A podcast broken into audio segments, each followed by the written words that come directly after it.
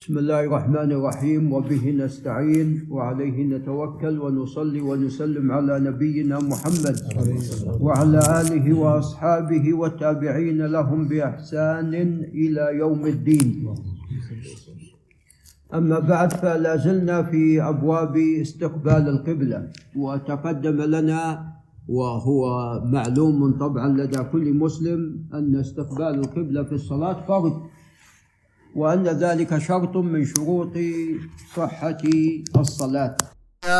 من ذلك أمران الأمر الأول عندما يكون الإنسان معذورا وذلك في حالة الخوف. عندما يكون العدو عكس القبلة فبالتالي أنت سوف تستقبل القبلة ولا العدو؟ العدو. لأنك لو استقبلت القبلة وأعطيت ظهرك إلى العدو العدو راح يغتنم ذلك فرصة ويأتي إليك. ولذا خالد بن الوليد عندما كان قائدا للمشركين في أحد وذلك قبل إسلامه أتى من خلف. عندما الرماة تركوا الجبل فأتى من جهة جبل الرماة ونزل من الجبل وكان المسلمين قد أعطوه ظهورهم. فوقعت الهزيمة عليهم بسبب ذلك. نعم. فإذا كان الإنسان معذورا فالله عز وجل يقول لا يكلف الله نفسا إلا وسعها ويقول فاتقوا الله ما استطعتم. والأمر الثاني وهو عندما يكون الإنسان مسافرا فيجوز له ويشرع له في حالة التنفل. لا أداء الفريضة. في حالة التنفل يشرع له أن يصلي حيثما اتجه على مركوبه سواء كان دابة أو طائرة أو سيارة. نعم. فهنا القبلة استقبال القبلة يسقط. هنا استقبال القبلة يسقط عنك. نعم. ف وأيضا طبعا النافلة في حال السفر يجوز أن تؤديها وأنت ماذا؟ وأنت راكب. وأنت راكب. ولكن هذا في الفريضة لا لابد أن تنزل. نعم. وطبعا أيضا يعني النافلة فقط في حال السفر لا في حال الحضر. الحضر طبعا يعني تت نعم تت تتوجه إلى القبلة و آه، نعم. ويجوز طبعا لك في حال أيضا النافلة. وأنت مقيم أن تؤديها وأنت ماذا؟ جالس. قوم وقوموا لله قانتين إنما هذا في الفرض. ولكن إذا أديت النافلة وأنت مستطيع صليتها جالسا فيكون لك من الأجر كم؟ النصف. يكون لك من الأجر النصف. قال باب تطوع المسافر. على مركوبه حيث توجه به حيث توجه هذا المركوب بالراكب. قال عن ابن عمر رضي الله عنهما قال كان النبي صلى الله عليه وسلم يسبح على راحلته قبل أي وجهة توجه ويوتر عليها غير أنه لا يصلي عليها المكتوبة. متفق عليه.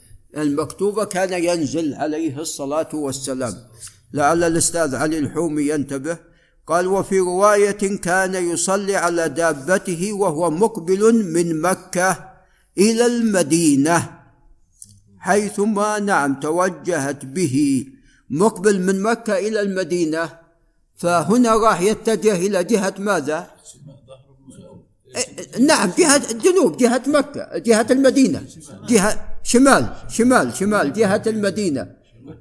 نعم راح يكون متجه إلى جهة المدينة. قال وفي رواية قال متفق عليه. وفي رواية عفوا هذا الأول.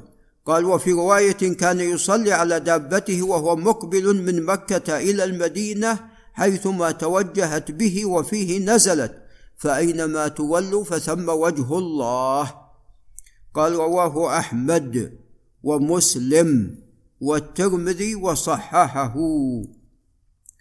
قال وعن جابر بن عبد الله رضي الله عنهما قال رأيت النبي صلى الله عليه وسلم يصلي وهو على راحلته النوافل في كل جهة ولكن يخفض السجود من الركوع.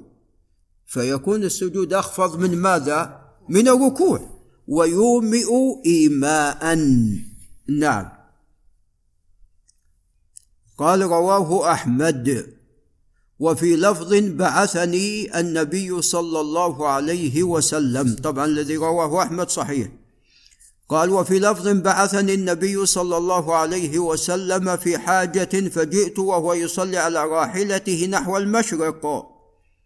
والسجود أخفض من الركوع. رواه أبو داود والترمذي وصححه. وعن أنس بن مالك رضي الله عنه قال كان رسول الله صلى الله عليه وسلم إذا أراد أن يصلي على راحلته تطوعا. استقبل القبلة استقبل القبلة فكبر للصلاة ثم خلى عن راحلته فصلى حيثما توجهت به. كان في ابتداء الصلاة يتوجه إلى القبلة ثم حيثما توجهت به دابته. وهذا يعني ليس بفرض. في حال التطوع في السفر هذا ليس بفرض. ولذا تقدمت الأحاديث السابقة ما فيه كان يستقبل القبلة في الأول. فهذا شيء مستحب ليس بفرض. إن أمكن تستقبل في البداية التكبير القبلة ثم حيثما توجهت الدابة. وإلا نعم من حين تبدأ في صلاتك وأنت غير متجه إلى القبلة لأن القبلة هنا تسقط. استقبال القبلة هنا يسقط. نعم وطبعا حديث أنس هذا حديث صحيح. جاء من طريق الجاود بن أبي سبرة عن أنس. نعم قال ابن القيم رحمه الله في هذا الحديث نظر. وسائر من وصف صلاته صلى الله عليه وسلم على راحلته اطلقوا أنه كان يصلي عليها قبل أي جهة توجهت به ولم يستثنوا من ذلك تكبيرة الإحرام ولا غيرها. كحديث عامر بن ربيعة وعبد الله بن عمر وجابر بن عبد الله واحاديثهما صح من حديث أنس هذا والله أعلم. الأقرب والله أعلم يجمع بين الأحاديث. إذا أمكن أنك في بداية الصلاة تستقبل فبها وإلا نعم حيثما كانت وجهتك لأن هنا القبلة استقبالها يسقط ولعل نقف عند هنا. هذا وبالله تعالى التوفيق.